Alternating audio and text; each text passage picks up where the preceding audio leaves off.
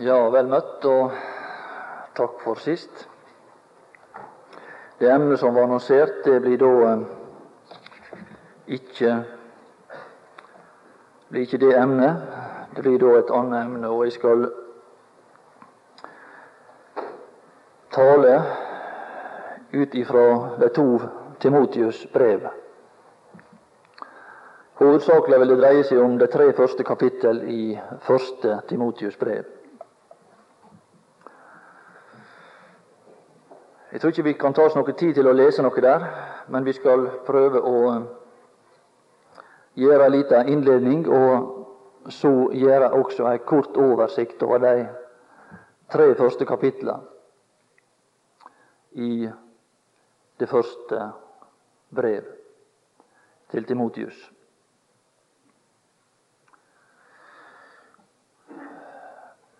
Jeg regner med at de aller fleste er såpass kjent i disse skrifter at de vil kunne følge med uten at det blir lest opp.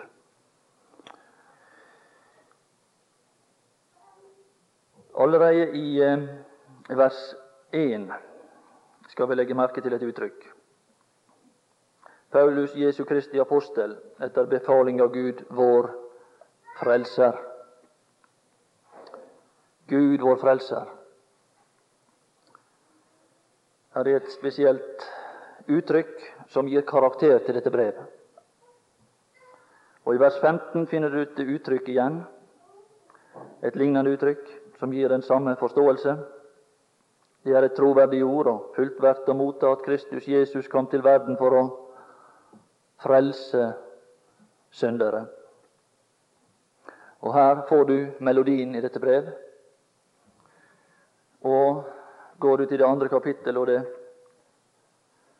tredje og fjerde vers, så finner du disse to uttrykk etter hverandre igjen. Vers 3.: For dette er godt og tekkelig for Gud, vår Frelser, Han som vil at alle mennesker skal bli frelst. Dette skulle da være nok til å gi oss et visst inntrykk av hva, i hvilken retning dette brev går. Hva som er maktpåliggende for denne apostelen når han taler om disse ting. Og ikke noe annet brev, så vidt som jeg kjenner til, har et, en lignende eller en slik begynnelse. Her er nemlig Gud som frelser det store, store temaet.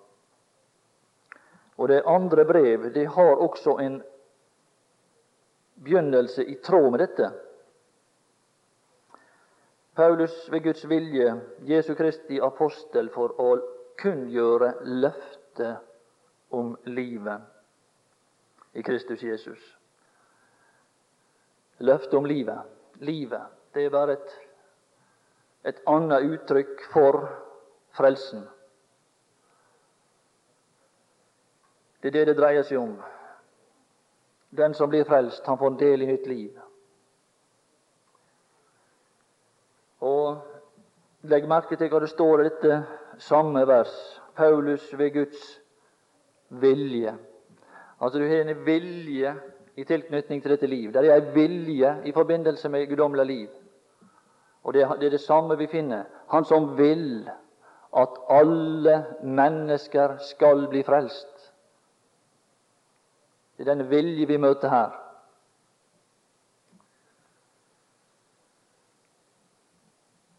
Den samme vilje finner vi igjen. Og vi finner også at dette, som denne vilje som vi her møter, den blir også til Paulus si vilje.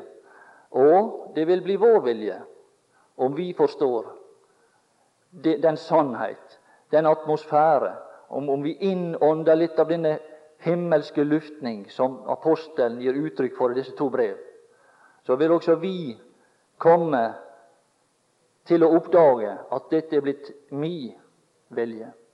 For det blei også apostelens vilje. Og Derfor var det også at denne vår kjære Paulus han forkynte løftet om livet i Kristus Jesus overalt der han kom fram. Og Denne vilje førte denne mannen høyere og lenger enn noen annen. Og Det siste vi hører om her i disse to brev, det er en mann som blir løfta opp til ei trone. Og det er ei trone i denne verden.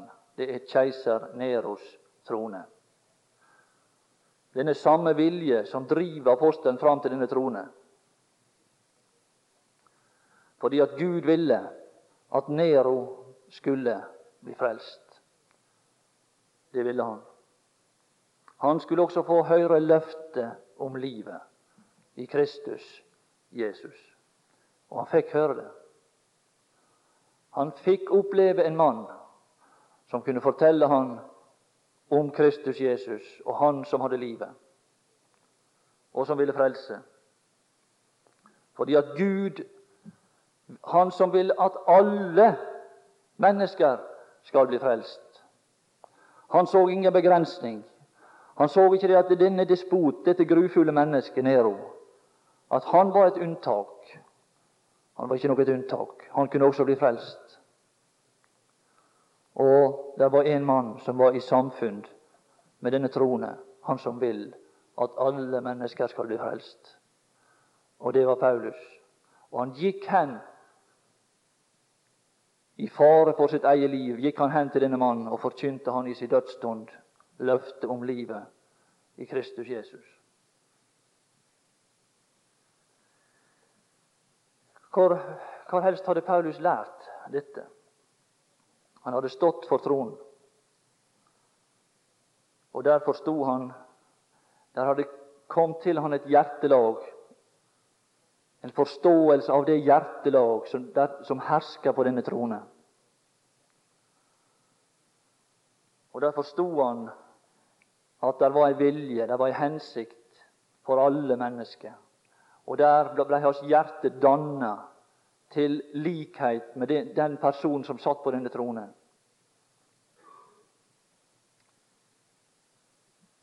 Ja,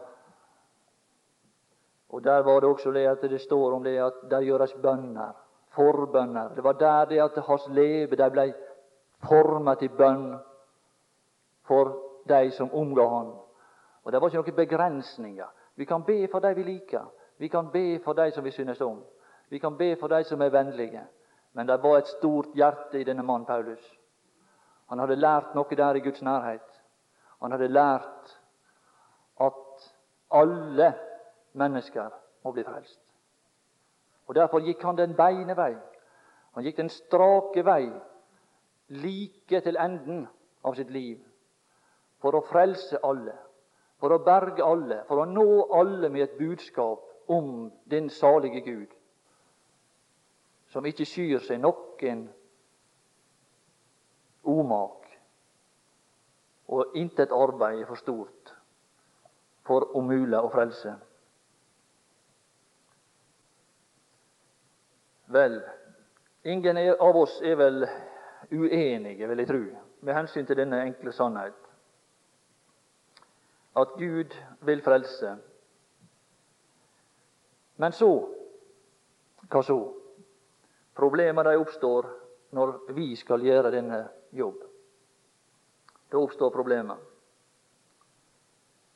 Dette brev det forteller, oss, det forteller oss nemlig om en som heter Jesus Kristus. Eller Kristus Jesus.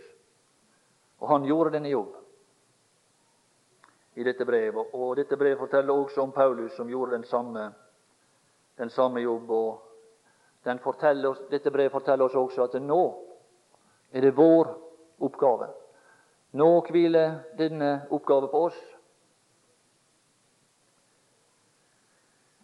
Så skal vi komme til det at når Paulus hadde denne samme vilje, dette mål, alles frelse for øyet, ja, hva, så, hva, hva gjør du da, Paulus?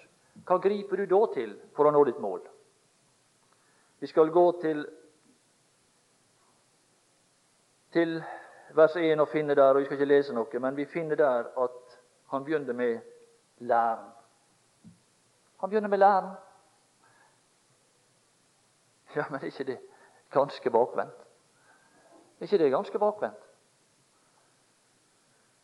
bibeltimer og, og, og tørr lære, det har vel ingen, ingen forbindelse med andres frelse. Og vi kan stille dette spørsmål kan læren ha noen som helst slags sammenheng med andres frelse? Og Det vi vil finne her, når vi ser på disse to brev, det er et utvetydig ja. Og Derfor legges det også veldig sterk vekt på læren i disse to brev. Hvis vi går til det femte kapittel og det syttende vers, så står det de eldste som er gode forstandere, de skal aktes dobbelt ære verdt, mest de som arbeider i tale og i, i lære. Ja, det var viktig. Det var viktig. 64. Gi akt på deg selv og på, på læren. akt på læren, kan det ha noen betydning, da? Vi skal komme til hvor sterk betydning dette har. Jakt på deg selv og på læren, hold ved med det, for når du det gjør, da skal du frelse, ser du. Da skal du frelse. Her er Guds rekkefølge. Det går ikke an å gå utenom læren hvis at andre skal bli frelst, eller at om vi sjøl skal bli frelst. Og dette er Guds rekkefølge. Først læren som frelser oss sjøl, og så blir vi derigjennom i stand til å frelse andre. Da skal du frelse både deg selv og dem som hører deg. Uten denne rekkefølge aldeles umulig.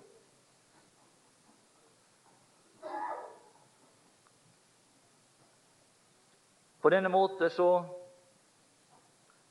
ser vi at Gud, som er vår frelser, som presenteres på denne måten, med denne tittel som gir karakter til dette brev. Slik er det at han ønsker også å bli andres frelser. Alle menneskers frelser. Og dette er da dette brevs, eller disse to brevs hovedtema. Vi skal se litt på disse tre første kapittel for å se at disse tre kapittel danner da ei helhet. Og det vi ser i vers 3 Som jeg ba deg da jeg drog til Makedonia, bli Efesus, for at du skulle byde visse folk ikke å fare med fremmed lære. Her ser du. Her ser du. Her griper apostelen tak i problemet. Hva er problemet? Problemet er fremmed lære. Det er problemet.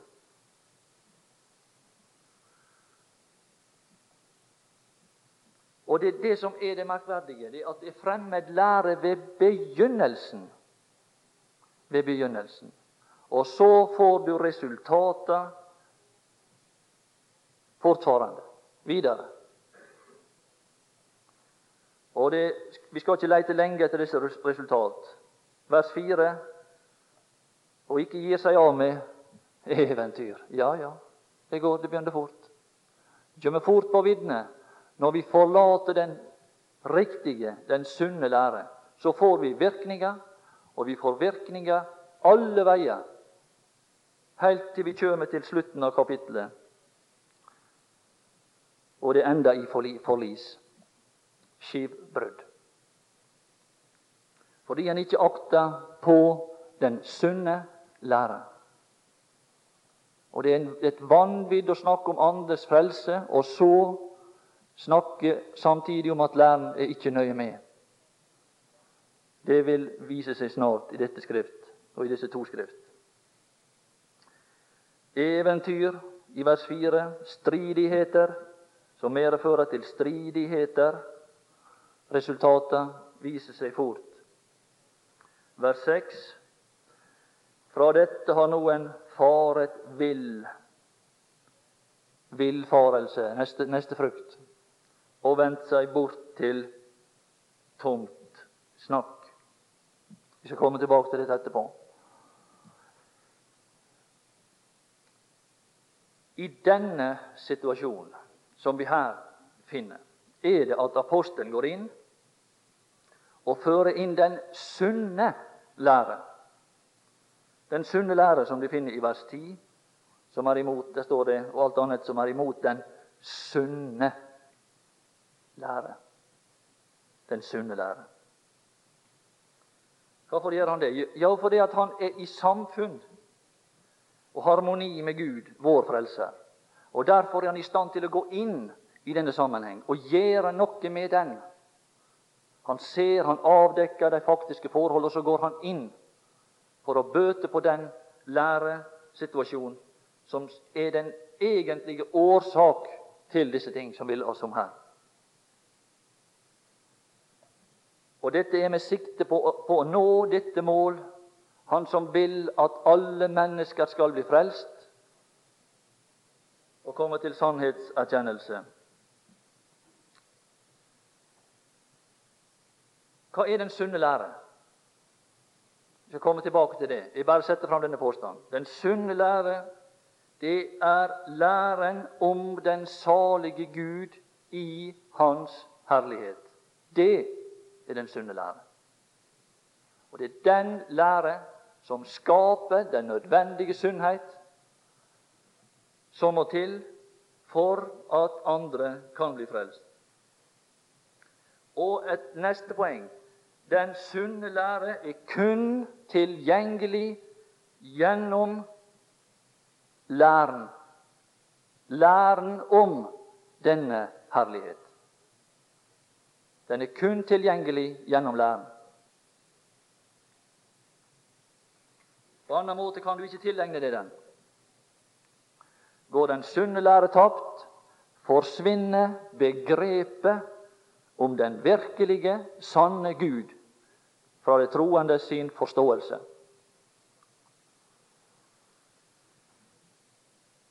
Vi hopper til vers 12. Og her fra vers 12 beskriver Paulus virkningene for sin egen del av den sunne lære. Evangeliet om den salige Guds åpenbarte herlighet, som han, som han skriver her i vers 11. Og Det vi aner nedover her, bare for å sammenfatte det, det er at disse virkninger som Paulus kom inn under der, når han møtte denne personen, der, der i herligheten, det er en overveldende autoritet. En overveldende virkelighet som Paulus der sto framfor når han ble kalt inn og ført inn i denne salige Guds herlighet som han beskriver. Og det som vi ser, er at det er en så voldsom så voldsomme virkninger i Paulus sitt liv når han sto overfor denne personen som han møtte der, i den salige Gud. I det han ser på den salige Gud, og han omgir seg med denne herlighet som han der ser. At enhver spott Ethvert begrep om, som ikke er riktig om Gud, det på en måte blåser bort som dugg for solen. Han opplevde det slik for sin egen del. Og det som vi ser videre her, det er at ethvert usant inntrykk, det må forsvinne. Og dette usanne uttrykk, inntrykk av Gud, det finner vi i vers 20 der er noen som er litt skipbrudd på sin tro. Og det er Hymenius og Aleksander, som jeg har overgitt til Satan for at de skal tuktes til å la være å spotte. Her er et meget vesentlig tema i dette brev. Altså, det kan ikke utgå noe usant inntrykk av Gud til verden. Det må legges dødt. Det må ikke forekomme at vi som troende stiller oss fram for Gud og går ut derifra med et galt inntrykk til omgivelsene. For det vil skade vitnesbyrdet. Det vil føre til at ikke alle mennesker blir frelst. Fordi vi ikke gjenspeiler den herlighet som er der inne, i den salige Guds herlighet. Og Derfor er det at, at Paulus sier som slik som jeg har overgitt til Satan for at de skal tuktes til å la være å spotte. Og dette ser vi overalt i disse to brev. Overalt. Vel, fra det andre kapittel og det første vers, her ser vi da litt av de virkninger når Paulus forblir for denne trone. Når han blir i denne herlighet, når han dveler der, så ser vi hva slags virkninger som går ut. Og Vi skal bare nevne noen få ting her. Og Det er disse, disse moralske kvaliteter som Paulus eh, former som ei bønn her, at det gjøres bønner. Forbønner for alle mennesker. Det er noe som danner seg der i Guds nærhet. Og er tre uttrykk som bare gir, gir oss et, en liten forståelse for denne, denne altomfattende innflytelse som denne Gud har. Han som vil at et av disse uttrykk alle mennesker skal bli frelst. Altså, Det er en slik altomfattende omsorg vilje, frelseshensikt som går ut ifra dette åsyn der i herligheten, som Paulus former gjennom disse tre setninger, der han bruker uttrykket 'alle'. Jeg formaner fremfor alle ting at det gjøres bønner, påkallelser, forbønner, takksigelser for alle mennesker. Og det er et vidunderlig uttrykk. Dette her er som denne kraft som er i stand til å favne alle. Alle mennesker. Og Du finner dette uttrykk igjen i, eh, for eh, konger og for alle, står der, dem som er i høy verdighet. Her er det uttrykket igjen. Og så er det igjen der det står at Han som vil at alle mennesker skal bli frelst og komme til sannhetserkjennelse. Og Det bare viser at denne konge, slik som han er framstilt her, han har da et øye for, for alle, og et hjerte for alle i sitt store univers, sitt store rike. Og denne store tanke den skiner gjennom her i dette brev. Her er det hensikten at alle må bli frelst. I det andre kapittel og fra det åttende vers så er det et nytt avsnitt. Og her har vi da avsnittet om en mann og hans hustru, fra vers 9. Og Det som er ganske klart, det er at det som vi har for oss her, forbilledlig, det er da denne mannen som oppløfter hellige hender. Og det er ikke noen annen enn Kristus i det himmelske. Det er han som oppløfter hellige hender. Og kvinnen, det er da den troende eller menigheten samla.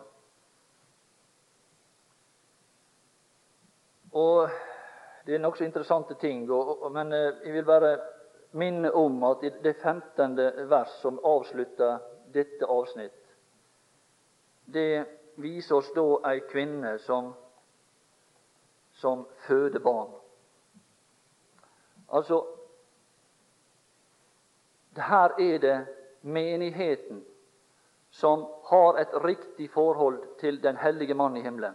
Og så som et resultat av denne forbindelse så fødes der barn. Nytt liv kommer til syne i menigheten. Og det er det som er resultatet. Samtidig så finner vi det at det er en fare for denne kvinne til å dåres. Hun skal bli frelst. Og det er det den troende blir ved denne hellige manns innflytelse. Ved at hun er vendt, at vi som, som kvinnen er vendt mot han, så kan vi bli frelst. Og i det dette pågår, så fødes der nytt liv i menigheten. I samsvar med Hans vilje, som vil at alle mennesker skal bli frelst og komme til sannhetserkjennelse. Dette er bare en annen måte å framføre denne sannhet på. At nytt liv blir født. Født på ny. Og Det er også en, en fin tanke der i forbindelse med det som innledningsvis blir sagt om kvinnen der i vers 9, likeså og at kvinnene skal pryde seg med sømmelig kledning. Jeg skal bare nevne gang om dette nå her. Denne kvinnen hun, hun har sine øyne festa på en mann som oppløfter hellige hender. Og I dette brev er helligheten et veldig sterkt trekk. All hellighet, all atskilthet ifra denne verden, alt som er annerledes og hellig, har sitt utspring i Han, denne hellige mann i himmelen, som oppløfter hellige hender. Han som er framstilt her som den sterke mann, den hellige mann i himmelen. Og det står om han ingen Ja, det står mennene på ethvert sted skal bede så at de oppløfter hellige hender uten vrede og trette. Dette er et sant inntrykk om Kristus. Og Det er et sant uttrykk for Kristus. Og det er et sant inntrykk som, som vi har når vi løfter vårt blikk opp til Han. Så får vi dette, dette inntrykk fra Han. Det er ingenting av vrede når vi ser opp i det ansikt. Og Det er ingenting som skulle tilsi noe trette. Det er ingenting av disharmoni mellom oss. Slik blir han framstilt i læren om den salige Gud der i herligheten. Men det som er merkverdig, det er når vi kommer til vers 9, da er det det at kvinnen her hun på en måte framstilles som om hun er på vei liksom i døra og skal ut i denne verden og representere denne mannen. Og da er det det står det. Likeså kvinnen. Altså, vi skal være som han. Vi skal ha det samme sinn som han. Og vi skal ha de samme kvaliteter som han. Det er ikke sagt noe til oss om at vi skal gå høyere enn han, men vi skal være som han. Det skal være en forbindelse mellom oss som gjør at vi kan være som han. Likeså kvinnen. Det er ikke slik at en kvinne skal gå utover det som hun får ifra sin mann. Men det skal være noe som tilflyter ei kvinne på det naturlige plan, som gjør at denne kvinne kan opptre slik. Og slik er det også med Kristus og menigheten. Og Det bærer i den grad at vi har en forbindelse til denne hellige mannen i himmelen, at vi kan opprettholde sann hellighet i vårt praktiske liv når vi skal representere Kristus. Og Det er det som er typisk for denne kvinne. Fordi at Idet hun snur seg og går ut, dø, ut av døra, da hun, står hun i fare for å dåres. Og Da det, står det spørsmål om kledning. Hva slags kledning har hun på? Inviterer denne kvinne til forbindelse med andre. Det er det det er spørsmål om. Og det er det det er spørsmål om i vårt liv. Er vi, er vi pryda på en slik måte at vi inviterer andre innflytelser inn i vårt liv? Eller avskjærer vi dem før de kommer nær til oss? Slik er det på det naturlige plan, og slik er det også på det åndelige plan. Vel. Så er det et nytt avsnitt. Fra det tredje kapittel, fra 1 til vers 7. Læren om en tilsynsmann. Det er et troverdig ord. Om noen antrår et tilsynsembete. Her ser vi at i det sjuende kapittel så ser vi det at når læren, den sanne, den sunne, riktige lære griper om og inn i denne menighets tilsynsmanns liv, så får vi et resultat i vers 7. Men han skal ha godt vitnesbyrd av dem som er utenfor. Ser du? Ser du frukten av den sunne lære? De, de, de fører fram dette vitnesbyrd utover. Dette brevet er retta utover mot verden. Dem som er utenfor, har krav på et vitnesbyrd igjennom oss ifra tronen og gjennom oss utover til denne verden. Det er veien det går her. Det er målet. Det er målet. Og det er dette i samsvar med brevets karakter.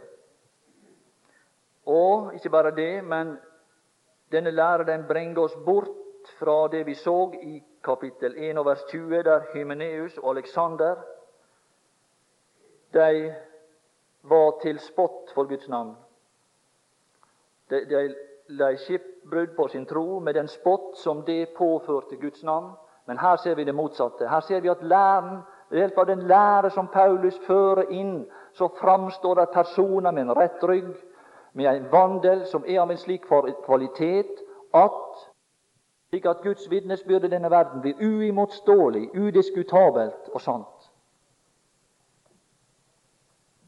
Og Her blir vi brakt bort fra denne tilstanden som vi finner i kapittel 1, og over til en positiv side, der vi ser et godt vitnesbyrd. La meg bare si det slik, og det skal vi se på seinere. Uten den sunne lære ingen sunn praksis, og intet inntrykk av sunnhet iblant de troende for de som ser på, de som er utenfor. Fra kapittel 3 og vers 8. Likeså skal menighetstjenerne Her ser vi hvordan læren om den salige Gud og Hans herlighet påvirker menighetstjenerne. Og gir karakter til deres vandring, deres oppførsel. Dette avsnittet har et uttrykk som er ganske interessant. Der står det snakk om slike som har troens hemmelighet. Her er hemmeligheten. Her er hemmeligheten bak. Det er den vi må få tak i. Det nytter ikke å være fariseer og prøve å etterligne hvis vi ikke har hemmeligheten til dette liv. Vi må ha hemmeligheten til dette liv. Nå kan du leve dette liv. Blir det ikke ei byrde slike som har troens hemmelighet. Ja, dette er hemmeligheten til denne moralske kraft som går ut. Denne skjønnhet. Og Noen vers lenger nede så får vi mer opplysning.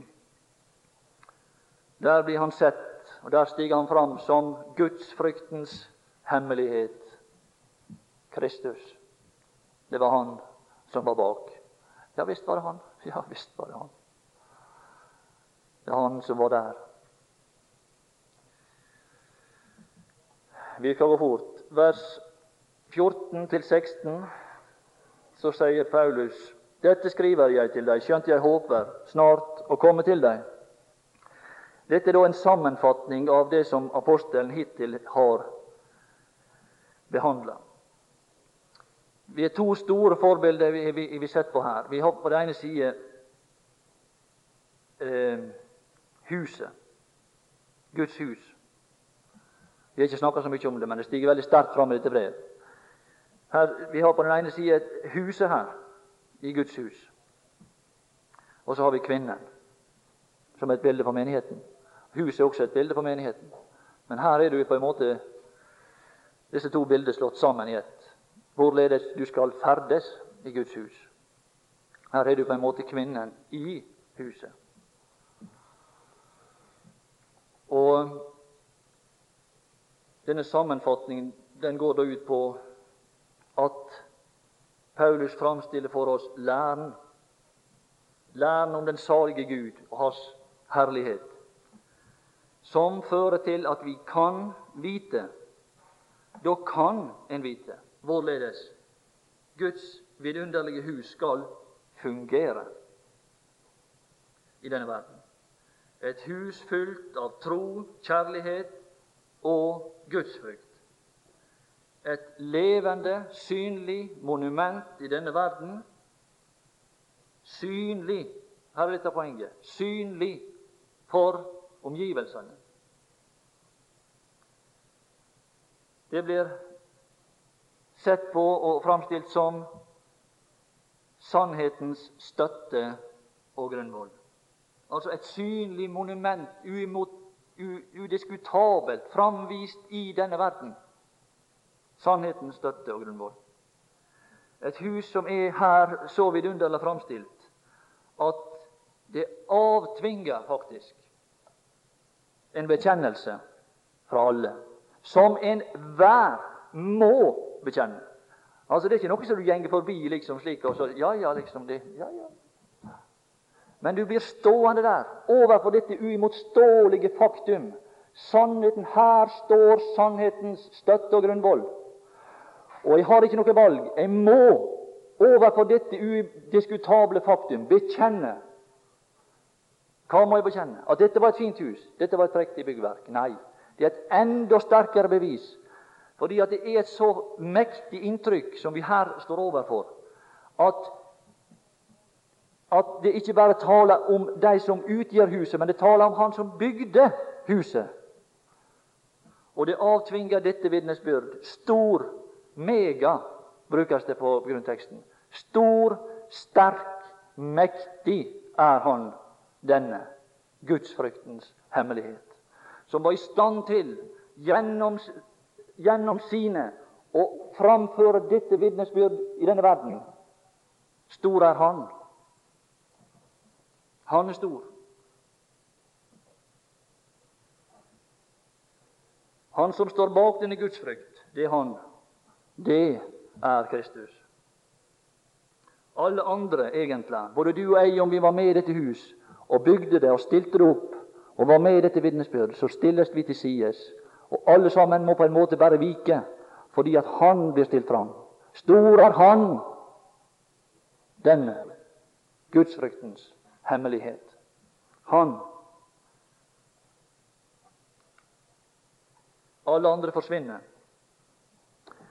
Og Dette er da en av Guds store hensikter med menigheten, og det mål som blir vist oss her i dette brev. Guddommelig lære og undervisning som bringer den enkelte person sammen i menigheten til et samla vitnesbyrd om den salige Guds herlighet og slik på denne måte viser Kristus seg gjennom sine som værende her. Hvis vi leser nøye dette vers, vil vi finne ut det, at han blir framstilt som om han er her gjennom sine. Han er ikke opptatt i herlighet ennå.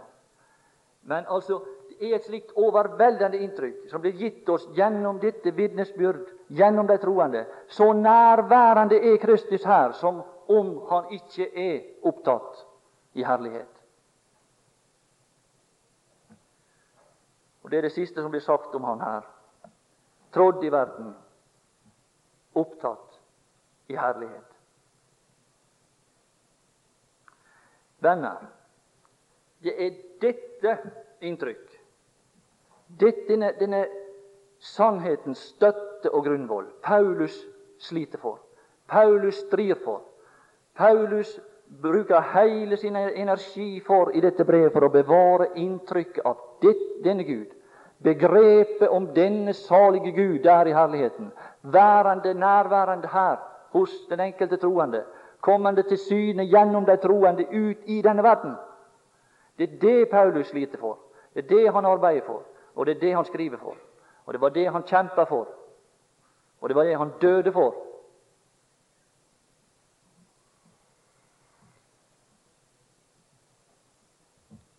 Læren om hvordan dette kan skje, det er det som vi nå har kort sammenfatta. Går denne lære tapt, kan vi ikke lenger vite, og dette går utover vår evne til å ferdes i Guds hus. Hva så? Resultatet. Menigheten forringes i sin funksjon som sannhetens støtte og grunnvoll. Og Resultatet videre få må bekjenne at han er stor. Få ser han gjennom byg den bygning som han har bygd. Og det blir, som du ser i det neste brev, der blir sett et stort hus. Ja, ja, det var et stort hus. Det var ikke det før. Det var et lite, edelt hus der, men så ble det til et stort hus med mye rusk og rask. Der er ikke bare kar av gull og sølv. Nei, det skal visst være sant. Du har det i Dagsrevyen. Du har det overalt. Det er ikke gull og sølv. Nei, det er ikke det. Men de er i huset. De er i huset. Vel, vel. Stor er gudsfryktens hemmelighet, skjult for verden i herligheten, men åpenbar allikevel gjennom den troendes lykkelige liv. På denne måte blir Kristus stor og manifesterer seg da gjennom sine til frelse, Han som vil at alle mennesker skal bli frelst. Vi rekker så vidt da å begynne på en liten utleggelse av kapittel 1. Og i vers 17 så finner vi et uttrykk som gir karakter til mye av det som vi forstår i dette, i dette, disse to brev. Men den har et uttrykk som du sjelden finner i Paulus sine brev. Men den evige konge. Han er sjelden framstilt slik av Paulus. Den uforgjengelige, usynlige, eneste Gud, Kongen er sjelden omtalt, men her stiger han fram.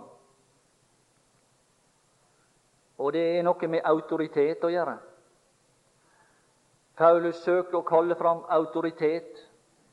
Og, og ikke bare Paulus ønsker, men, men Herren i himmelen ønsker å gi et inntrykk av autoritet i dette brevet.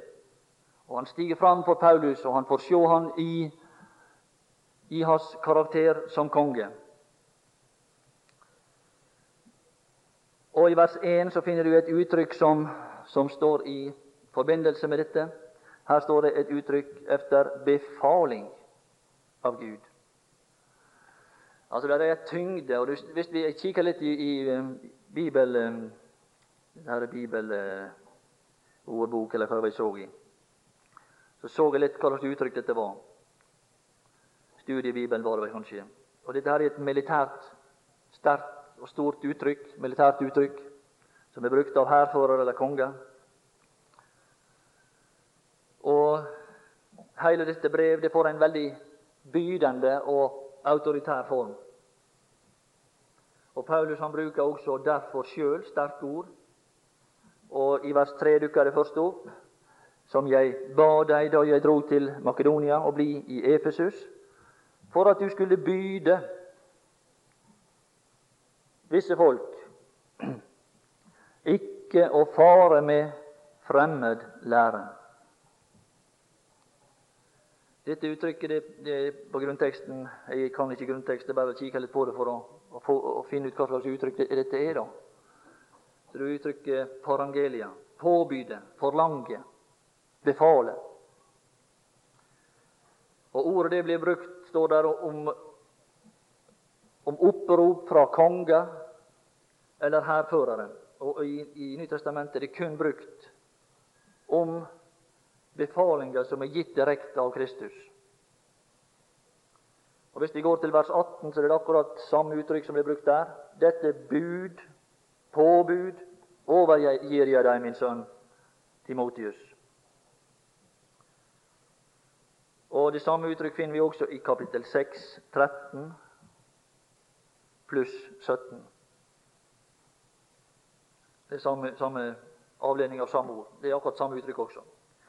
I kapittel 2 og vers 1, der han sier 'Jeg formaner altså framfor alle ting' at det gjøres bønner. Der er det brukt en liten annen variant av samme uttrykk, men det er samme, det samme ord, det også.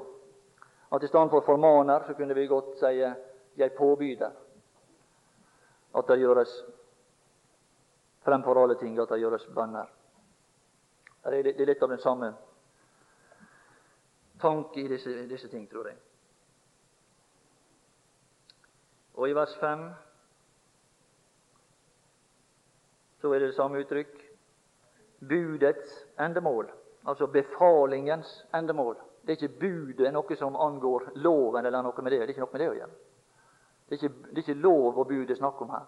Men det er det påbud som Gud er gitt, som er befaling, noe som utgår som en ordre fra den øverste befalshaver, som vi er underlagt. Og Det er dette Paulus da fører inn i dette kaos, i denne lærestrid der i Efesus. Tenk i Efesus. Tenk i Efesus, der så alt var så godt. Der han kunne gå på de store høgder, apostelen, skrive Feserbrevet. Så er det kommet strid, lærestrid i Efesus. Det er et mål for dette bud. Det skal vi komme til. Det er et mål for denne befaling, fordi den er virksom. Det vil nå sitt mål. Du vil nå Paulus sitt mål hvis vi lytter til denne befaling. Vi skal legge, legge til merke det at kontrastene her i dette brevet mot slutten av Paulus sitt liv de blir sterke. Det er fremmed lære allerede i vers 3 i dette brev så går det på fremmed lære. Og mot denne ødeleggende innflytelse så er det da at kongen stiger fram med hele sin autoritet. Det er liksom Han, han eh, stiger fram der i, i, uniform for å legge hele sin majestet bak dette budskap. At her må ikke inntrykket av denne guddom forringes iblant dere. Og Paulus han er da dette redskapskap som får denne oppgave å, å gjøre denne, dette arbeid. La oss kort se på hva kjem denne fremmede lære ifrå. 4.1. Vi skal føre den tilbake til sitt rette opphav. Men Ånden sier med tydelige ord at i de kommende tider skal noen falle fra troen idet de holder seg til forførende ånder og djevlers lærdommer. Det er dette, venner, som er Hvis vi skal gå tilbake, og det må vi Vi ser det gjerne gjennom personer. Vi ser at det står opp en person vi ser, vi, vi ser, på vårt bedehus, vi ser i våre forsamlinger, så opplever vi det at her er noe som skurrer med det inntrykk jeg har, og som jeg har mottatt om denne salighet. Noe som ikke lever opp til denne salighet hos Gud. Så stiger det fram i en person. Men hva kommer det ifra? Forførende ånder. Her er realitetene. Her er det disse krefter som fører disse ting fram, og som benytter seg av et medium. Og et medium i denne sammenheng er alltid et menneske. Forførende ånder, og også jeg og du, min venn, kan komme til å bli medium for disse ånder, og vi er det nok også til en viss grad.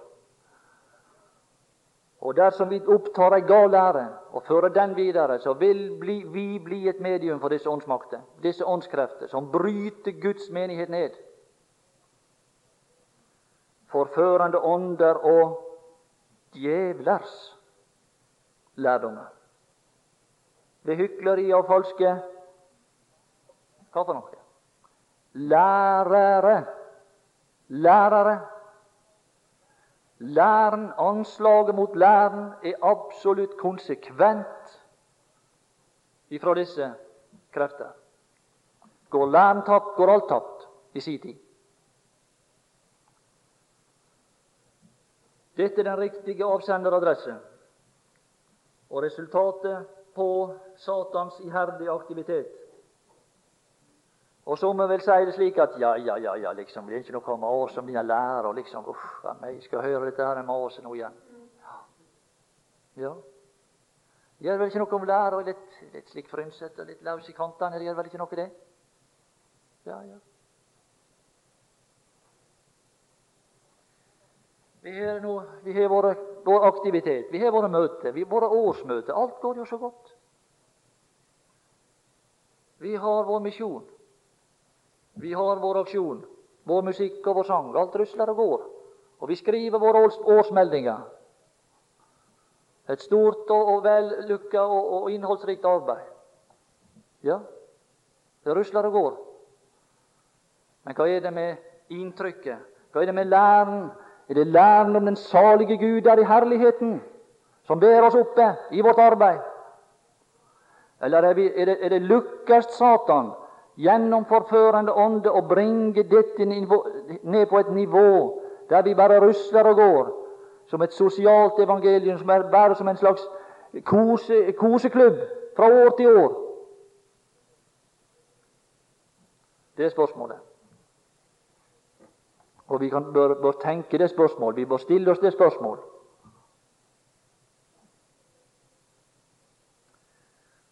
Ja, men De kan bare snakke om de lærere. De er ikke interessert i det hele tatt.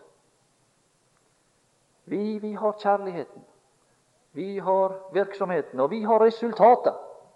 Så kan du, du, du tale om den læra di. Det er ikke så nøye med. De er ikke interessert. La oss også lese i denne forbindelse 1. Peter 2, hva som er vår fare. 2. Peter 2, 1. Men det oppsto også falske profeter blant folket Israel. Og så kommer det en sammenligning. Like som det òg blant eder skal komme falske profeter. Nei. Det skal komme falske lærere som, som åpent skal stå fram og si 'Her er ei falsk lære, følg meg'. Som skal lure inn umerkelig vrange lærdommer. Som ingen betydning har. Fordi læren har ikke noen betydning. som leder til fortapelse. Som fører til fortapelse. Som leder til fortapelse. Idet de endog nekter den Herre som kjøpte dem, og fører over seg selv en brå fortapelse, men det er heldigvis få som skal følge etter dem. Og mange og mange skal følge dem etter i deres skamløshet, og for deres skyld skal sannhetens vei bli spottet. Det var det som Paulus også var redd for. Hymeneus og Alexander, som jeg har overgitt til Satan for at de skal tuktes overfor dette veldige inntrykk, overfor dette, denne voldsomme majestet der i herligheten, så må alle inntrykk bort. All falskhet må vike. Og Det er det som er tankegangen. Men her går det galt. Sannhetens vei skal bli spottet. Ja, vi kan vel kanskje skal slutte nå bare si det, at vi kan vel kanskje ta feil med hensyn til hva som er viktig. Vi kan liksom kanskje ta det litt lett. Men disse forførende ånder og disse små jævler som vi lå som her, mm, tror du de tar feil? Ja Djevlers lærdommer. De veit, disse veit hva som er vesentlig. De veit hva de vil lykkes, og de angriper på det punkt. De angriper der de veit de vil lykkes, og de angriper læren fordi de veit at der vil det gjøre mest skade. Og denne lære som egentlig har sitt utspring i disse småjævler og disse forførende ånder, de kommer inn gjennom personer i forsamlingene og gjør sitt skrekkelige og forferdelige verk. Paulus tok ikke feil. Han tok ikke feil. Der var fremmedlære i Efesus. Og Paulus han nølte ikke et øyeblikk. Han slo til øyeblikkelig. Han greip inn.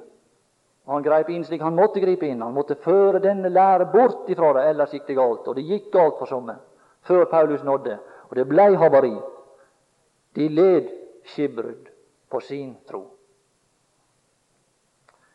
Herre Jesus. La noe av denne sannhet bli igjen i vårt sinn og i vår tanke. Velsign dagen for oss fortsatt. Amen.